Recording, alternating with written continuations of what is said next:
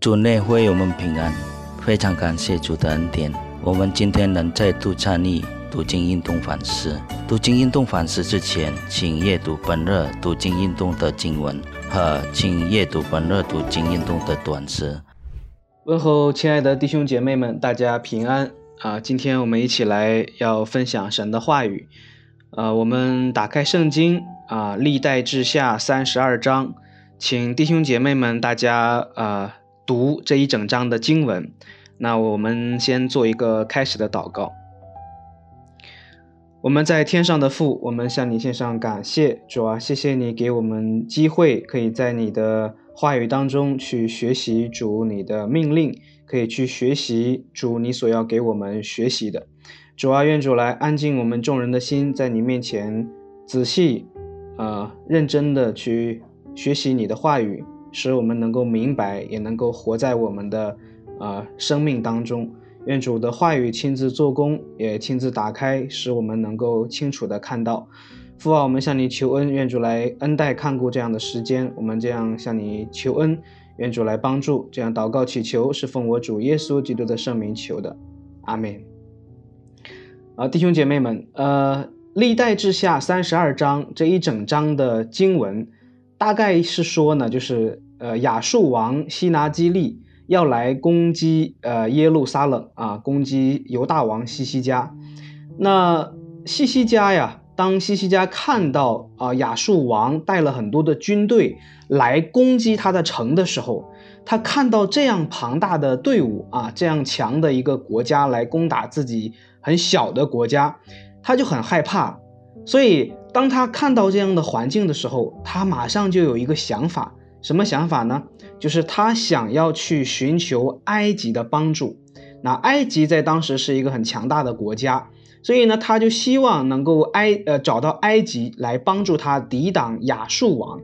但是这个时候，神的先知以赛亚就来。啊！提醒、警告这个西西家说：“上帝不喜欢你这样做，上帝要你单单来寻求谁？寻求上帝自己。”所以西西家和先知呃以赛亚以及呃众仆人，他们就一同祷告祈求上帝。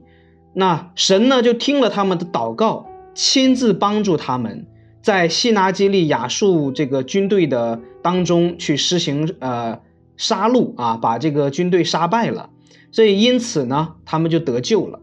那弟兄姐妹们，通过呃这一章，我们看到西西家的这个呃经历啊，使我们有一个学习，就是当他看到眼前的环境的时候，他就忘记了一件事情，忘记了什么？忘记依靠他的上帝。所以弟兄姐妹们，在新约圣经啊马太福音第九章二十七节那里记载。说有耶稣在那里往前走，有两个瞎子来跟着他，并且喊叫说：“大卫的子孙，可怜我们吧！”那这两个瞎子，他们身虽然身体上是残疾的啊，生活也不便，但是我们看到他们的信仰清楚。为什么说信仰清楚？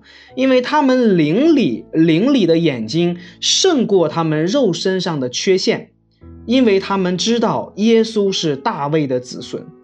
那弟兄姐妹们能够认出耶稣是大卫子孙的身份，这个不是一件很容易的事情。所以在呃耶稣降生之前，大卫的后裔从巴比伦迁徒到巴勒斯坦地区已经有十四代的时间了。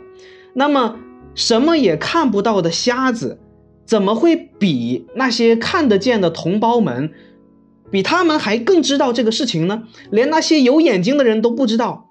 因为借着信心，所以瞎子能够了解到那些看得见的拉比没有办法理解的事情，就是耶稣是大卫的子孙，而不是知道哦，耶稣是玛利亚和约瑟的儿子，不是的。所以弟兄姐妹们，信心把有眼睛和有眼光的人就分别出来，并且去区分那些不能看见和不愿意看见的人。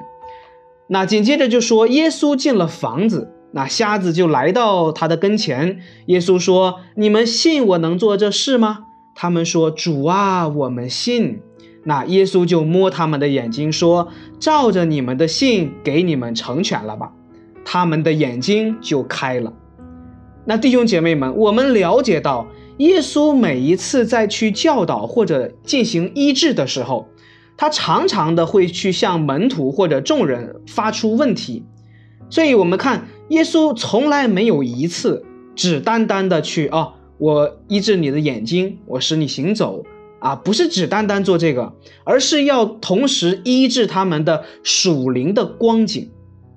那弟兄姐妹，这两个瞎子不是呃唯一唯一的呃被耶稣提问的盲人。那耶稣曾经拉着博塞大瞎子的手问他说：“你看见什么了？”那对讨饭的瞎子巴迪买说：“你要我为你做什么？”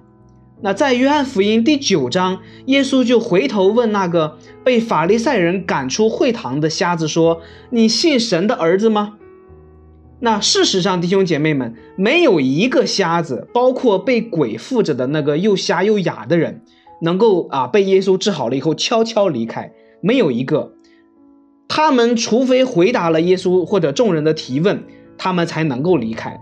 所以这个是耶稣在培养他们的信心，以及增加他们信心所使用的方法。那弟兄姐妹们。恳求上帝的怜悯，这个是我们都在做的，我们每一天都祷告祈求。但是恳求神的怜悯只是第一步，每一个人，我们每一个神的儿女都应该踏出信心的脚步，跟随上帝，因为这个是寻求神唯一的途呃途径。那圣经说，呃，希伯来书十一章六节，圣经说，人非有信就不能得神的喜悦。因为到神面前来的人必须信有神，且信他赏赐那寻求他的人。那弟兄姐妹们，对于那些没有把握、没有确据，甚至说没有盼望的人来说，他们只能够眼见为凭；但是对于那些有信心的人呢，神就是他们的指引和能力。那有信心一定能看见，好像西西家。当他看到军队啊，敌方很强大的时候，他就找人帮忙。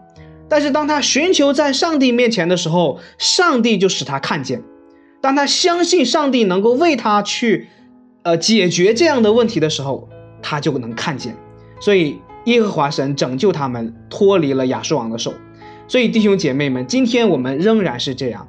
神已经应许我们，他总不撇下我们，也不会丢弃我们。那我们的信心是不是扎根在神的话语上了？我们的信心，我们是不是仰望那位为我们的信心创始成终的主耶稣基督？所以弟兄姐妹们，只要相信啊，这个就是我们今天所分享的一个主题，叫做只要相信啊。好了，那我们一起来做一个祷告。爱我们永不改变的主耶稣基督，我们向你献上感谢。主啊，谢谢你又借着你今天自己的话语啊，提醒我们，使我们再一次的明白。主啊，当我们跟随你的时候，就让我们以凭着信心，凭着你给我们的信心去跟随你，去坚定的相信你，仰望你。主啊，帮助我们，使我们的眼睛从各样的环境、各样的呃困难上面转移在主的身上。帮助我们，帮助我们，主啊，因为你应许我们，你没有撇弃我们，你一直与我们同在。主啊，我们向你求恩，愿主来恩待帮助众弟兄姐妹们。我们向你交托，我们这样祷告祈求，是奉我主耶稣基督的圣名，阿门。好，愿神赐福弟兄姐妹们。